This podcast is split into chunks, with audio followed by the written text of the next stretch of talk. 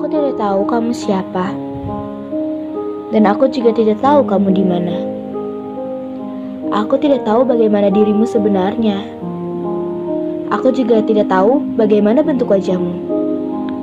Tapi, siapa pun dan di mana pun kamu, kamu adalah salah satu orang yang bisa membuatku nyaman. Kamu adalah salah satu orang yang bisa membuatku tenang. Dan kamu adalah salah satu orang yang bisa membuatku senang. Tapi, apa semua itu akan bertahan lama? Tentu saja tidak. Cepat atau lambat, kamu akan seperti mereka. Mereka yang meninggalkan diriku.